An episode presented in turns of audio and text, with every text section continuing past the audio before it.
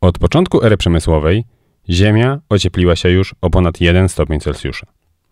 Stężenie dwutlenku węgla wzrosło z około 270 do 410 cząsteczek na milion cząsteczek powietrza. Dowody na to, że to człowiek odpowiada za zmianę klimatu, są niepodważalne. Mimo to wydaje się, że wiele osób w Polsce nie zdaje sobie sprawy, że badania naukowe w tym obszarze prowadzą do tak jednoznacznych wniosków. Wystarczy przypomnieć wypowiedź prezydenta Dudy z 2019 roku, kiedy mówił: Nie wiem, na ile w rzeczywistości człowiek przyczynia się do zmian klimatycznych. Choć słowa te są dowodem ignorancji prezydenta, to nie przeszkodziły one Dudzie w reelekcji na drugą kadencję. Przykra prawda jest taka, że ludzi, którzy mogliby się podpisać pod wypowiedzią Dudy, mamy w Polsce całkiem sporo i można ich znaleźć nie tylko wśród wyborców PiSu. Dlatego w tym odcinku podsumujemy, dlaczego jest pewne, że to my, ludzie, a konkretnie spalanie przez nas paliw kopalnych, odpowiada za ocieplenie klimatu.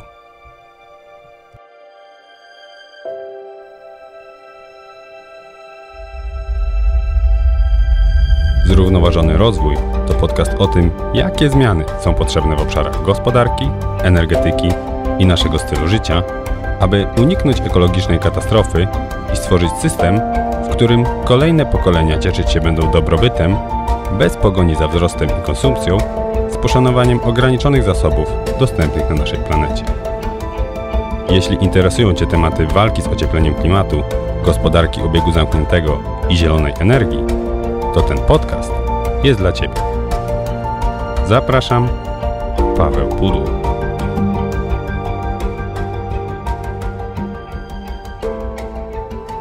Chyba każdy z nas zna ludzi, którzy kwestionują fakt, że ocieplenie klimatu jest powodowane przez człowieka. Myślę, że każdemu zdarzyło się być świadkiem sytuacji, jak jakiś znajomy na spotkaniu towarzyskim albo jakiś wujek na imprezie rodzinnej z nonszalancją stwierdza, że nie wiadomo, co jest powodem tego, że klimat się ociepla, że to na pewno zwiększona aktywność słoneczna, że klimat zmieniał się zawsze i nie ma się przejmować, i tak dalej, i tak. Co prawda, całe szczęście, coraz rzadziej zdarzają się ludzie, którzy mówią, że ocieplenia klimatu nie ma w ogóle, bo to, że jest, widać już na, jak na dłoni, ale takich, którzy kwestionują jego przyczyny, jest nadal zadziwiająco dużo. Choć zapewne każdy z nas był świadkiem takiej sytuacji, to nie każdy głośno oponuje, gdy ktoś opowiada takie dyrdy mały. Wynikać to może z różnych rzeczy, ale często, choć jesteśmy przekonani, że mamy rację, to możemy nie być pewni, jak obalić argumenty, którymi posługuje się taka osoba. Dlatego w tym odcinku podsumujemy, jakie są naukowe dowody, które dają nam pewność, że to właśnie człowiek, a konkretnie spalanie przez nas paliw kopalnych, jest przyczyną zmian klimatu. Zacznijmy od wyjaśnienia, na czym tak dokładnie polega efekt cieplarniany. Efekt cieplarniany. Chyba każdy z nas kojarzy ze szkoły analogię porównującą gazy cieplarniane ze szklarnią. W końcu stąd wzięły one swoją nazwę. Zgodnie z tą analogią, dwutlenek węgla i inne gazy cieplarniane zatrzymują ciepło przy Ziemi Podobnie jak szklarnia zatrzymuje ciepło pod swoim szklanym dachem. Spróbujmy natomiast nieco bardziej szczegółowo wyjaśnić, z czego wynika fakt, że gazy cieplarniane zatrzymują ciepło przy powierzchni Ziemi. Postaram się to zrobić możliwie precyzyjnie i przejrzyście, ale bez zagłębiania się w skomplikowaną fizykę. Zacznijmy od tego, że każde ciało o niezerowej temperaturze, i chodzi tutaj o zero w skali Kelwina, czyli zero absolutne, a nie 0 stopni Celsjusza, każde takie ciało emituje promieniowanie elektromagnetyczne. Dla różnych temperatur różna jest częstotliwość tego promieniowania. Spektrum promieniowania elektromagnetycznego mieszczą się różne fale. Od fal radiowych, przez mikrofale i podczerwień, następnie przez światło widzialne i promieniowanie UV, aż po fale rentgenowskie i promieniowanie gamma.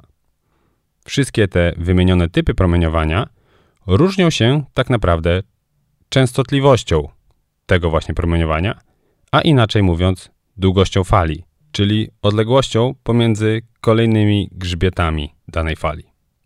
Możemy to sobie wyobrazić jako foton promieniowania, czy to światła widzialnego, czy innego rodzaju promieniowania elektromagnetycznego, który w zależności od częstotliwości promieniowania faluje odpowiednio częściej.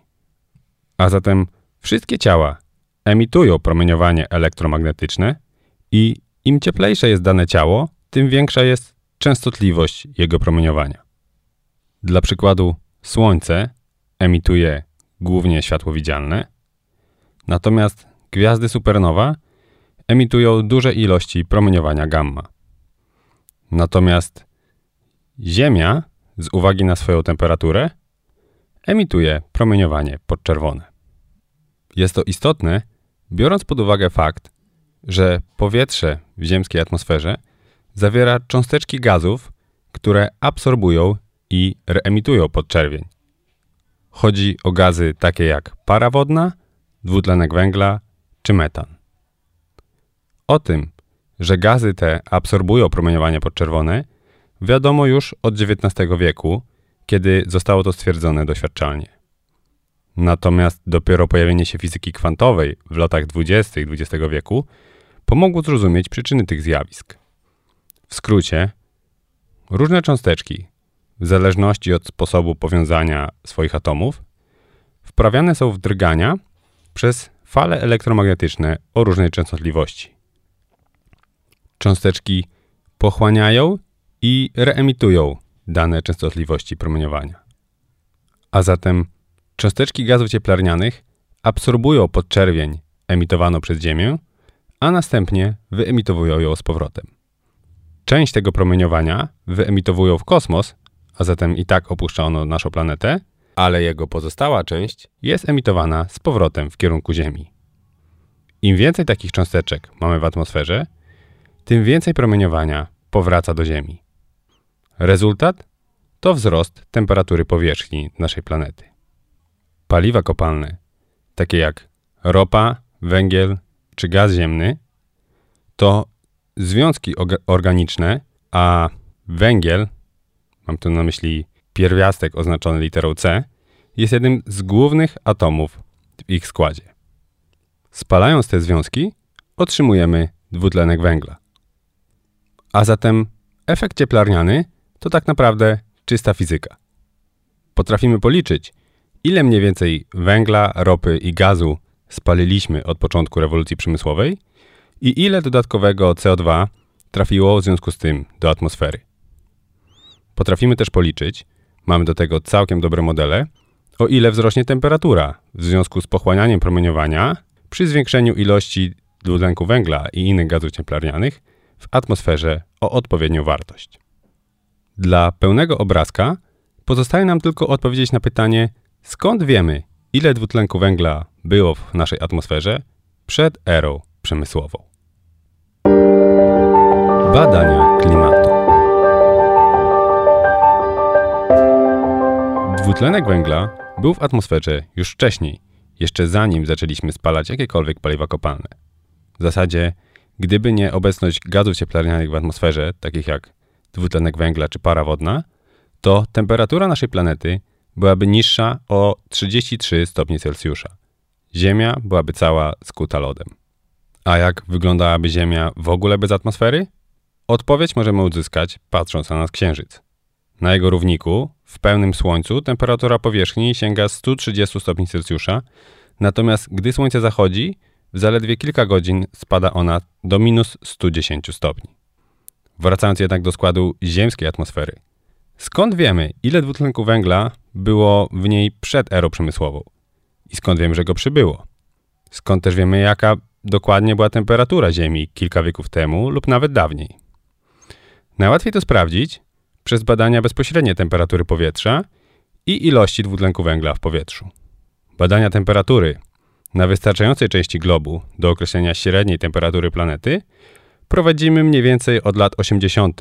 XIX stulecia.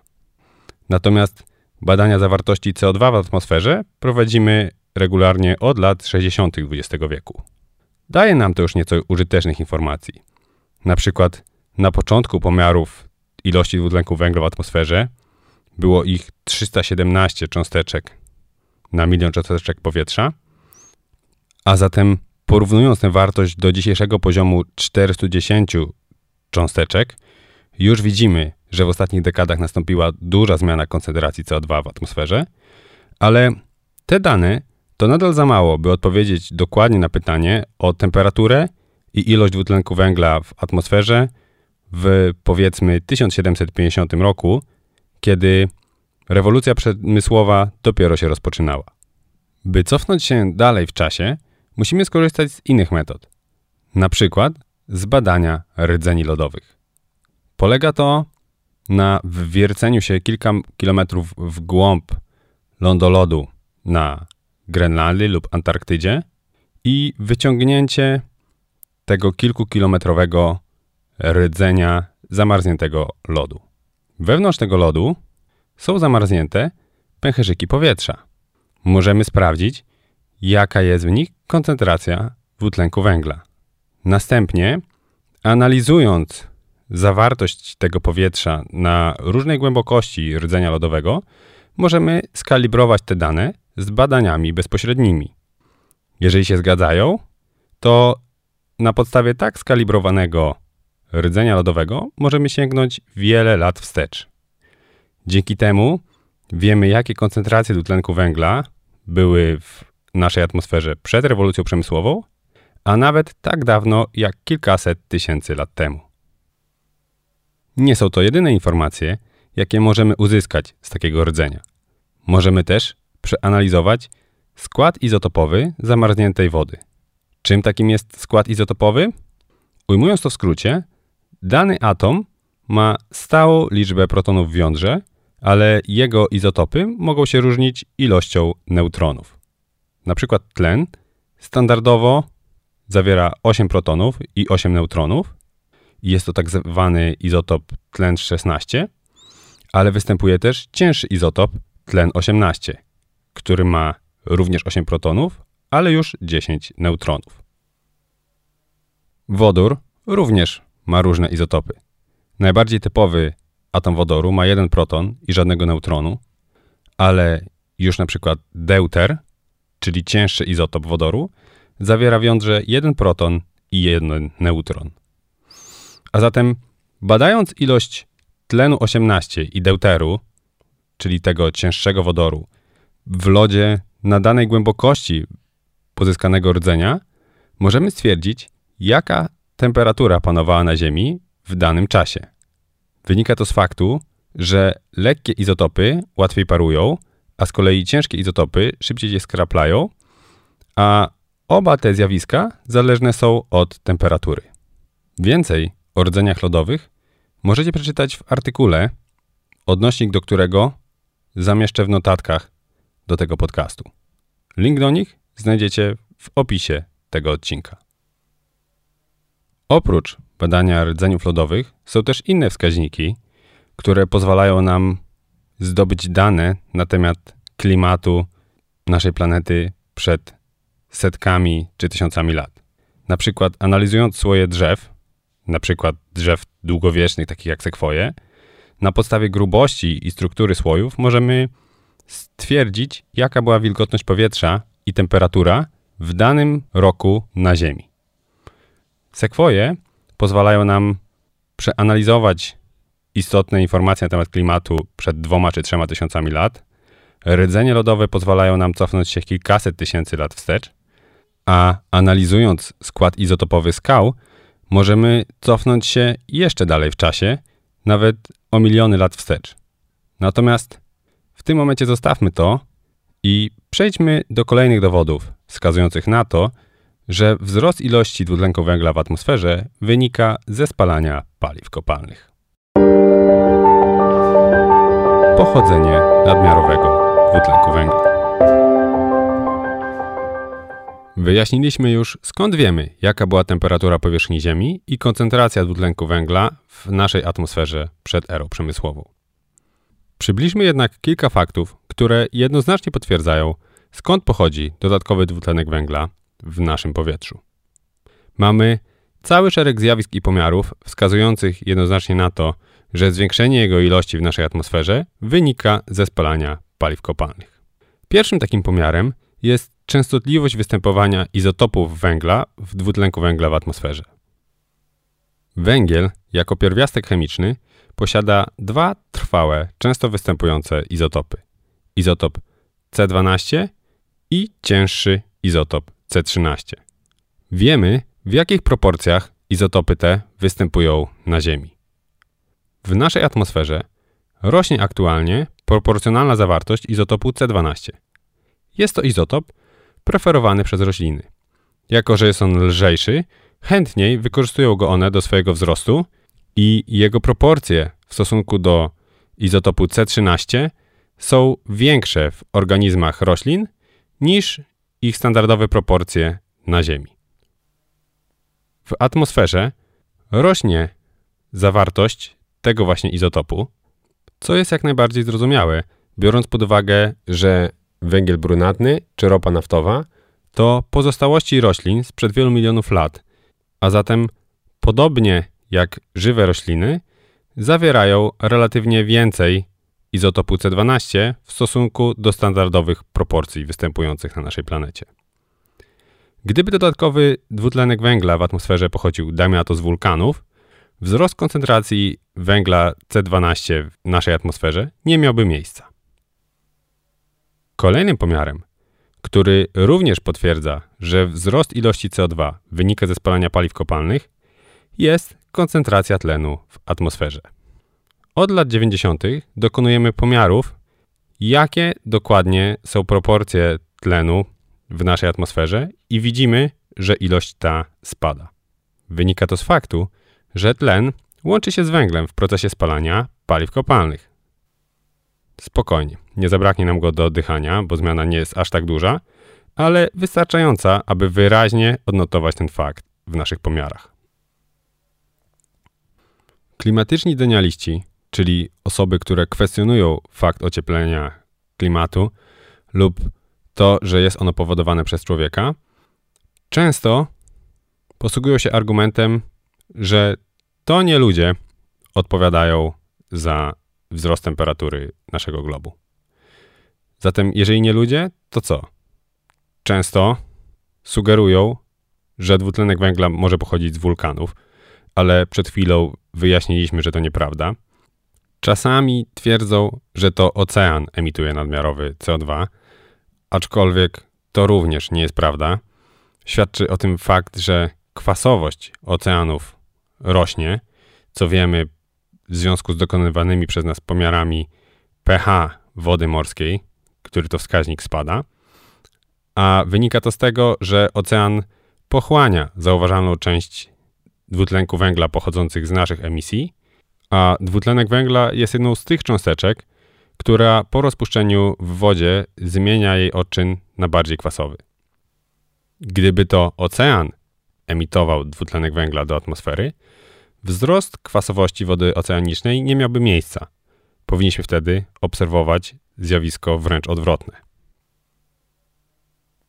Podsumowaliśmy już, skąd pochodzi dodatkowy dwutlenek węgla w atmosferze i jakie pomiary o tym świadczą. Przyjrzyjmy się zatem pozostałym argumentom stosowanym przez klimatycznych denialistów i wykażemy, dlaczego również one nie mają poparcia w faktach. Argumenty klimatycznych denialistów. Osoby kwestionujące fakt, że to człowiek przez swoją działalność powoduje bieżące ocieplenie klimatu, najczęściej chyba posługują się argumentem, że to słońce ociepla klimat. Owszem, aktywność słoneczna jest ważnym czynnikiem wpływającym na temperaturę naszego globu. Aczkolwiek nie odpowiada ona za bieżące ocieplenie klimatu. Wiemy o tym, ponieważ potrafimy mierzyć aktywność słoneczną i od kilku dekad ona maleje, podczas gdy temperatura powierzchni Ziemi rośnie. Gdyby to Słońce odpowiadało za bieżące ocieplenie, ocieplałaby się cała atmosfera, a przede wszystkim jej górne warstwy. W rzeczywistości dzieje się dokładnie odwrotnie. Ociepla się niższa warstwa atmosfery, czyli troposfera, ale ochładza się wyższa, czyli stratosfera. Wynika to z tego, że dwutlenek węgla zatrzymuje energię promieniowania Ziemi, która w mniejszej ilości dociera do górnych warstw naszej atmosfery. Wiemy to z obserwacji dokonywanych przez nasze satelity. Swoją drogą, badania satelitarne dostarczają też innych ciekawych informacji. Dzięki pomiarom możemy porównać ilość energii docierającej do Ziemi z ilością energii opuszczającą naszą planetę, czyli emitowaną w kosmos. Ilość promieniowania opuszczającego naszą planetę maleje w miarę przybywania w naszej atmosferze gazów cieplarnianych. Możemy też zmierzyć promieniowanie opuszczające nasz glob z podziałem na długości fal. I co interesujące, atmosfera nie wypuszcza z powrotem w kosmos właśnie tych długości fal, które są absorbowane przez emitowane przez nas gazy cieplarniane. Mało tego. Trend ocieplenia jest wyraźniejszy nocą, co wskazuje, że za wzrost temperatur odpowiadają gazy cieplarniane działające przez całą dobę, a nie Słońce, które ogrzewa naszą planetę tylko w dzień. Innym argumentem, często wysuwanym przez osoby kwestionujące wagę problemu ocieplenia klimatu, jest stwierdzenie, że to para wodna jest najczęściej występującym gazem cieplarnianym, a zatem nasze emisje CO2 są nieistotne. Osoby posługujące się tą argumentacją wykazują co najwyżej połowiczne zrozumienie tematu. Zgadza się, para wodna jest najczęściej występującym gazem cieplarnianym w naszej atmosferze, ale jej ilość zależy od temperatury. W ciepłym powietrzu może znajdować się więcej pary wodnej niż w zimnym. W chłodnym powietrzu para wodna po prostu dużo łatwiej się skrapla. Wzrost dwutlenku węgla i innych gazów cieplarnianych podnosi temperaturę naszej planety i tym samym powoduje wzrost ilości pary wodnej w atmosferze. A zatem zwiększenie ilości cząsteczek H2O w naszym powietrzu jest wynikiem powodowanego przez nas efektu cieplarnianego, a nie jego przyczyną. Klimatyczni denialiści często wykorzystują też bieżące wahnięcia w pogodzie do stwierdzenia, że ocieplenie klimatu to ściema. Na przykład spadł śnieg albo był mróz przez kilka tygodni w lutym, więc wystarczające jest to dla nich do stwierdzenia, że ocieplenia klimatu nie ma. Przecież jest zimno. Jest to bardzo częsty błąd polegający na myleniu pojęcia klimatu z pojęciem pogody. Aby wyjaśnić, czym różni się jedno od drugiego, posłużę się przykładem, który słynny astrofizyk Neil deGrasse Tyson wykorzystał w serialu popularno-naukowym Kosmos, który notabene bardzo polecam. Wyobraźmy sobie człowieka idącego po plaży, prowadzącego psa na smyczy. Człowiek idzie przed siebie, po prostej linii.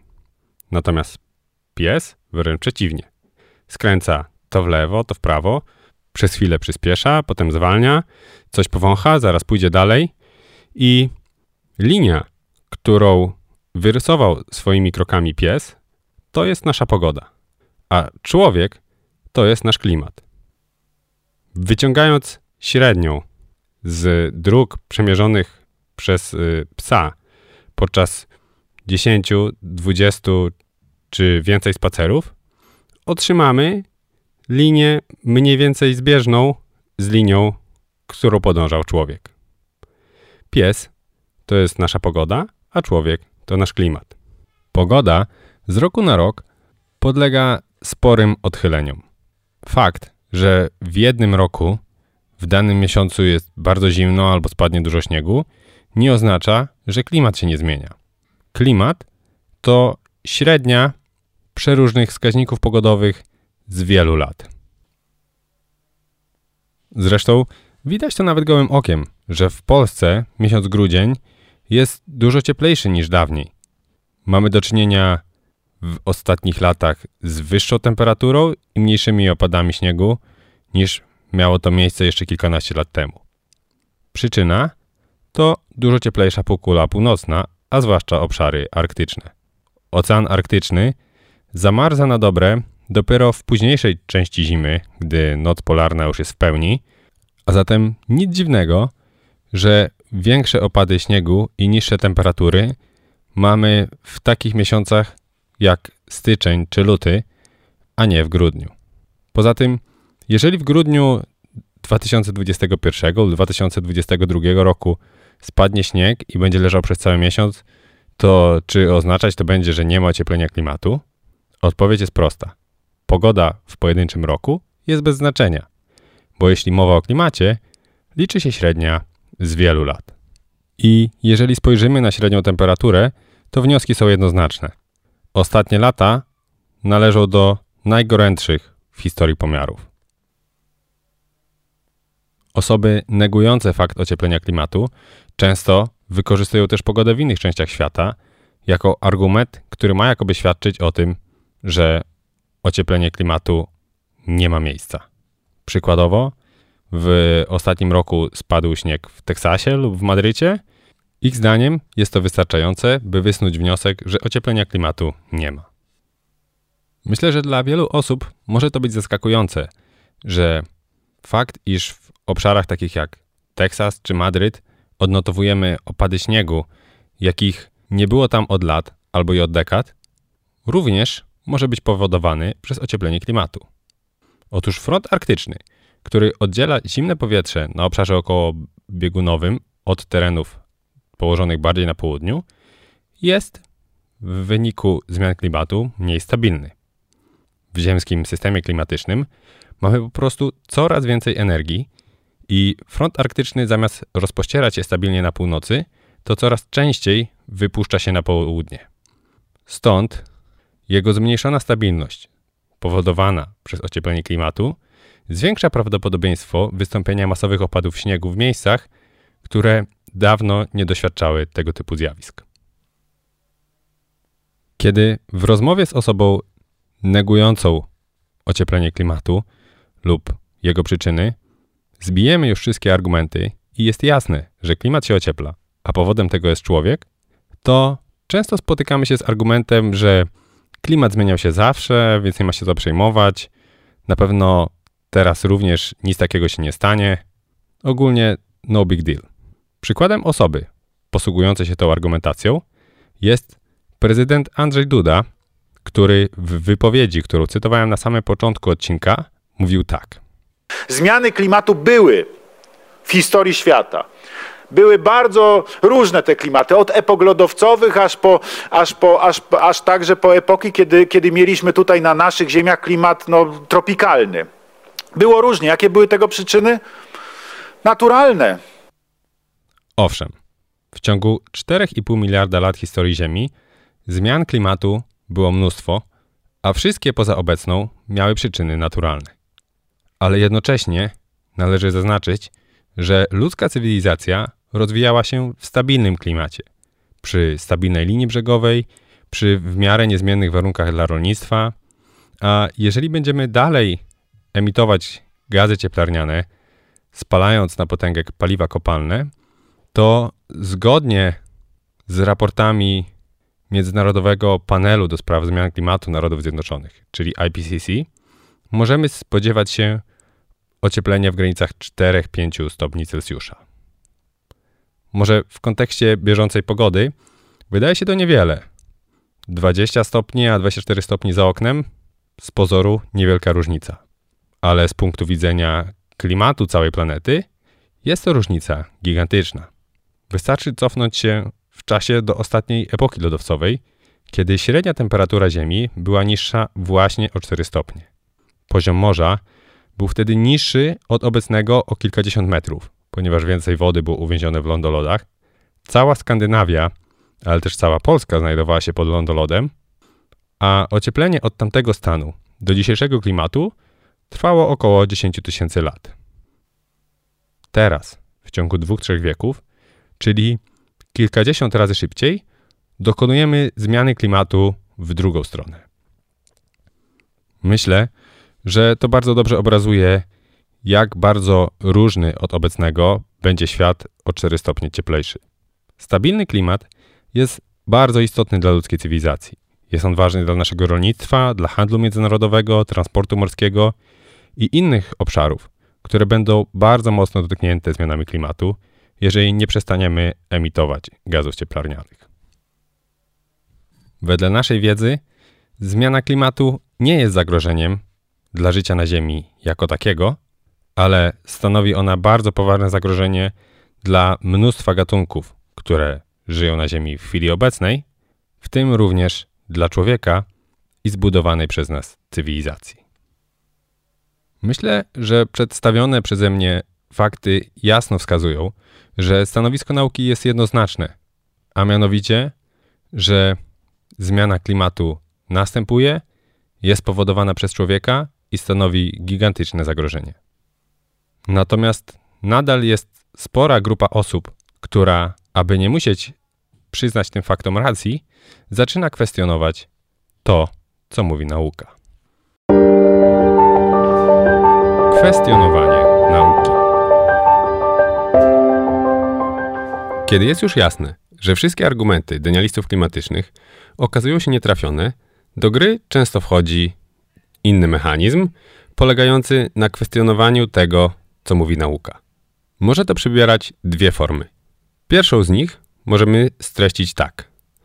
Na pewno naukowcy nas okłamują, badania są sfałszowane, to wszystko nieprawda, więc nie ma co dawać temu wiary. Natomiast druga forma, mniej radykalna, być może częstsza, brzmi mniej więcej tak. Przecież nie ma zgody wśród naukowców co do przyczyn ocieplenia. Są tacy twierdzą, że jest i tak, i tak. Niektórzy mówią, że to człowiek odpowiada za ocieplenie, inni mówią, że przyczyny są inne. Więc po co ponosić koszty walki z ociepleniem klimatu, skoro być może to nie my za to odpowiadamy? Na początek zajmę się tą drugą tezą, do tej pierwszej powrócę za chwilę. Ta druga teza, twierdząca, że jakoby wśród naukowców nie ma zgody co do przyczyn ocieplenia, była lansowana przez Leszka Balcerowicza podczas jego niedawnego wystąpienia na wydarzeniu Campus Polska Przyszłości organizowanym przez prezydenta Warszawy Rafała Trzaskowskiego. Trzeba przyznać, że wypowiadane publicznie stwierdzenia, takie jak to, którym posłużył się Leszek Balcerowicz, są niezmiernie szkodliwe, ponieważ cały czas mamy w Polsce pewne grono ludzi, które uważają profesora Balcerowicza za autorytet. Dlatego od razu wyjaśnijmy, że to nieprawda, że zdania naukowców są na ten temat podzielone. Nie ma żadnych poważanych organizacji naukowych, które kwestionowałyby fakt, że przyczyny ocieplenia klimatu są antropogeniczne, czyli spowodowane przez człowieka. Nawet jeżeli zdarzy się jakiś pojedynczy naukowiec, który głosi takie tezy, to jeżeli nie ma on specjalizacji w badaniach klimatu, w fizyce atmosfery lub w pokrewnej dziedzinie, to powinniśmy bardzo ostrożnie podchodzić do tego typu stwierdzeń, które taka osoba wygłasza. Tak naprawdę, w pełni wiarygodne są artykuły publikowane w recenzowanych pismach naukowych. Proces recenzji artykułów, po angielsku nazywany peer review, polega na tym, że eksperci z danej dziedziny weryfikują każdy artykuł przed publikacją, czy nie ma w nim błędów metodologicznych, czy nie ma jakichś pomyłek w zastosowanych modelach statystycznych. I na tym etapie wyjaśniane są wszelkie wątpliwości, jeżeli jakieś się pojawią. Ma to na celu upewnienie się, że wszelkie artykuły publikowane w tego typu periodykach naukowych są jak najbardziej rzetelne i wiarygodne. Jeżeli ktoś publikuje artykuł w medium, które nie podlega procesowi recenzji, na przykład na swoim prywatnym blogu, to należałoby traktować taką publikację jako opinię tej osoby, a nie jako stanowisko nauki. Zwłaszcza jeżeli głosi tak kontrowersyjną tezę jak ta, że to nie człowiek odpowiada za ocieplenie klimatu. Często osoby kwestionujące konsensus naukowy posługują się argumentem, że w badaniach opierających się na statystyce nie sposób stwierdzić niczego z absolutną pewnością. Oczywiście, zawsze pozostaje jakaś doza niepewności. Ale jeżeli w tysiącach badań prowadzonych w oparciu o różne metody badawcze, wnioski wychodzą takie same, czyli w skrócie, że jest niezmiernie prawdopodobne, że przyczyny ocieplenia są antropogeniczne, to szansa na to, że wszystkie się mylą, jest absolutnie znikoma. Przy świadomości skutków ocieplenia klimatu o których jeszcze będzie mowa w tym podcaście w kolejnych odcinkach, stawianie wszystkiego na taki skrajnie nieprawdopodobny scenariusz, że to wcale nie człowiek powoduje ocieplenie klimatu, byłoby porównywalne do wejścia do kasyna z planem postawienia kilkaset razy miliona dolarów w ruletkę na jedną konkretną liczbę, licząc na to, że wygramy. Chociaż w sumie może nie jest to do końca dobrze obrazujący tę sytuację przykład, ponieważ w przypadku ruletki mielibyśmy jakąś szansę na sporą wygraną, chociaż szansa byłaby to byłaby bardzo, bardzo mała, to w przypadku nieodpowiedzialnego podejścia do zmian klimatu nie mamy za wiele do wygrania, a za to mamy mnóstwo do stracenia. Wracając natomiast do tej pierwszej tezy, o której wspomniałem chwilę temu, mianowicie tej twierdzącej, że badania są sfałszowane i nie można ufać nauce, należy jasno stwierdzić, nie da się tak po prostu sfałszować nauki. Wynika to z tego, jak działa metoda naukowa. Wszelkie tezy wysnuwane przez naukowców i badaczy muszą być oparte na badaniach i rzetelnych obserwacjach. Każda nowa teoria musi wysuwać przewidywania weryfikowalne doświadczalnie. Naukowcy często wręcz podejmują próby obalenia wcześniejszych badań i w zależności od ich wyników wnioski albo potwierdzą to, co stwierdziły wcześniejsze badania, albo negatywnie zweryfikują pochodzące z nich wnioski. Wspomniałem przed chwilą, że artykuły z wynikami badań są publikowane w recenzowanych pismach naukowych. Jeżeli ktoś chciałby widzieć w procesie recenzji formę cenzury, to od razu warto zaznaczyć, że naukowcy i tak mają dostęp również do badań, które nie przeszły jeszcze procesu recenzji. Tego typu artykuły są często publikowane w dedykowanych serwisach, z których wielu naukowców korzysta, aby pochwalić się, że byli pierwszymi, którzy doszli do określonych wniosków lub stworzyli podwaliny jakiejś nowatorskiej teorii. Także proces recenzji nie jest w stanie ukryć żadnych badań, ponieważ dostęp do tych, które jeszcze nie przeszły przez proces recenzji i tak jest, a samo recenzowanie artykułów ma na celu po prostu zwiększenie ich wiarygodności i rzetelności. Poza tym, nawet gdyby jakieś badanie zostało sfałszowane, to inne badania prowadzone przez innych badaczy na innych uniwersytetach szybko je podważą. Nauka jest po prostu czymś zbyt rozproszonym, prowadzonym w zbyt wielu ośrodkach, aby była w ogóle techniczna możliwość ocenzurowania bądź zafałszowania wyników badań. Poza tym, jeżeli już ktoś próbował fałszować, może nie tyle badania, co ich odbiór przez opinię publiczną, to była to branża paliw kopalnych, która uciekała się do fabrykowania wątpliwości poprzez opłacanie ekspertów z danych dziedzin, aby występowali w mediach, prezentowali tam tezę, jakoby w nauce wcale nie panował konsensus co do przyczyn ocieplenia. Natomiast jest to bardzo obszerny temat, który mógłby wypełnić cały osobny odcinek, więc zapewne kiedyś w przyszłości do niego powrócimy. Poza tym, to nie jest tak, że wszystkie badania są ze sobą w 100% zgodne. Zdarzają się rozbieżności zdań. Weźmy dla przykładu dwa badania z połowy 2020 roku. Jedno badanie mówi, że najgorsze scenariusze klimatyczne będą jeszcze gorsze niż obecnie jest to przyjmowane. Natomiast inne, że najbardziej skrajne, zarówno te optymistyczne, jak i te pesymistyczne scenariusze, są mniej prawdopodobne niż do tej pory sądzono.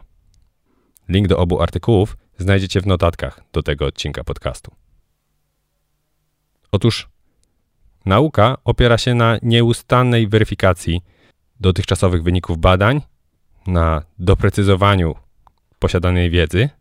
I jeżeli już naukowcy się mylą, to trzeba przyznać, że częściej właśnie zaniżając skalę skutków ocieplenia, na przykład skala topnienia lodu na Oceanie Arktycznym przekroczyła już teraz nawet najbardziej pesymistyczne scenariusze opublikowane we wcześniejszych raportach IPCC.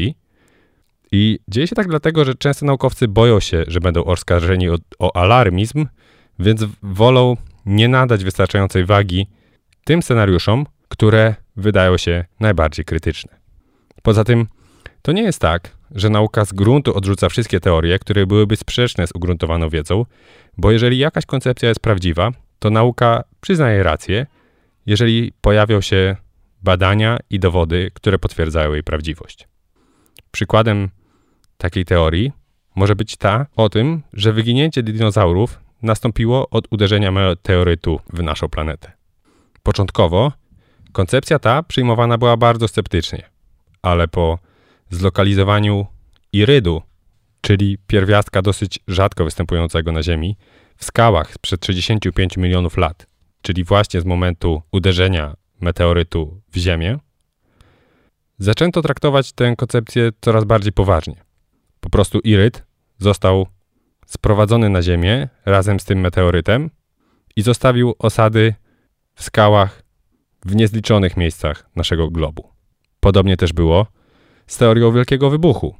Pierwotnie sama nazwa Big Bang została wymyślona przez przeciwnika tej teorii i w zamierzeniu miała być prześmiewcza, ale po dokonaniu pomiarów tempa rozszerzania się wszechświata i innych badań kosmologicznych, doszliśmy do wniosku, że teoria ta bardzo dobrze tłumaczy te zjawiska, więc mamy wszelkie powody, by uważać, że jest prawdziwa, choć pierwotnie niewielu naukowców tak uważało.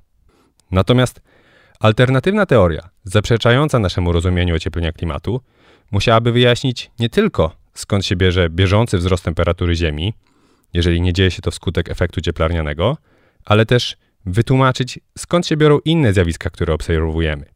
Wspomniane wcześniej w tym odcinku, a o których zgodnie z bieżącą wiedzą wiemy, że są one pochodną efektu cieplarnianego.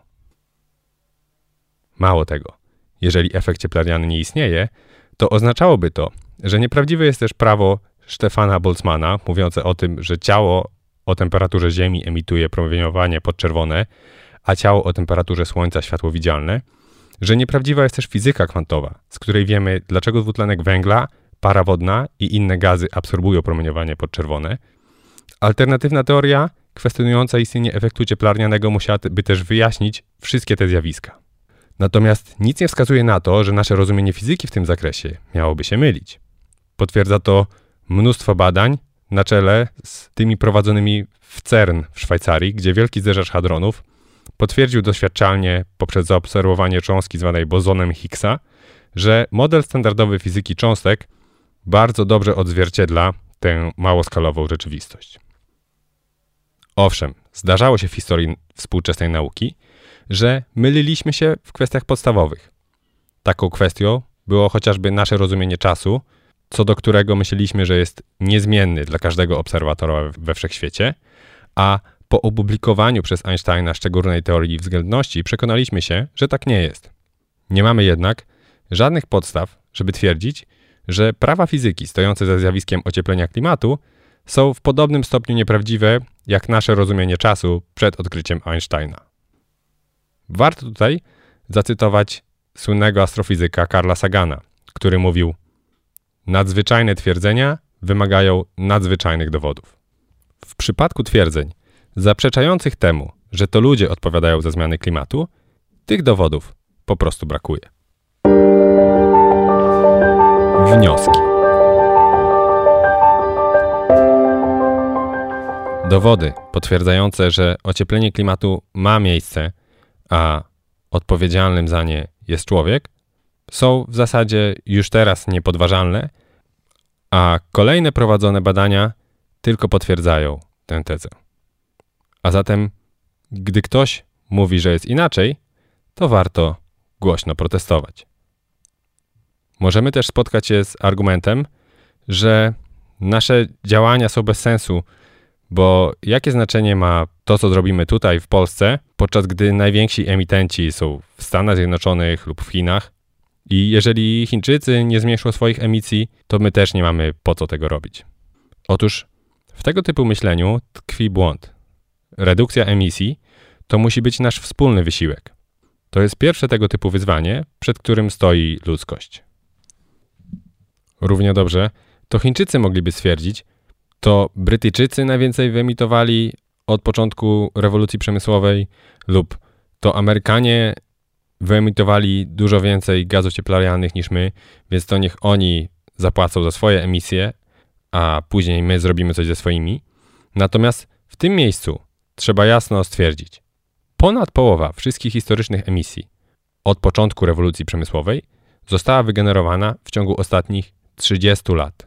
Jeżeli zatem żyliśmy w tym czasie we względnie zamożnym kraju, który w tym czasie albo należał do najbogatszych na świecie, albo zauważalnie się wzbogacił w związku ze wzrostem gospodarczym, a zatem nie muszą to być tylko Stany Zjednoczone czy Europa Zachodnia, ale mogą to też być kraje takie jak Chiny lub Polska, to jesteśmy beneficjentami taniej energii, którą uzyskaliśmy i uzyskujemy ze spalania paliw kopalnych. A zatem to na nas spoczywa odpowiedzialność za zredukowanie naszych emisji i pokazanie innym krajom, które dopiero wkraczają na ścieżkę rozwoju gospodarczego, że można funkcjonować inaczej. Nie możemy już oglądać się na siebie nawzajem, musimy działać już teraz. W przeciwnym razie wszyscy na tym stracimy.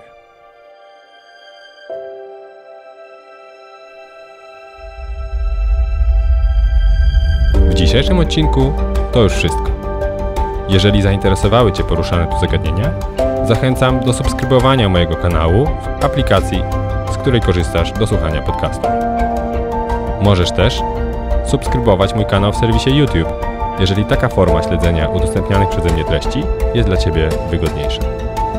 Zachęcam również do polubienia mojej strony na Facebooku i profilu na Instagramie.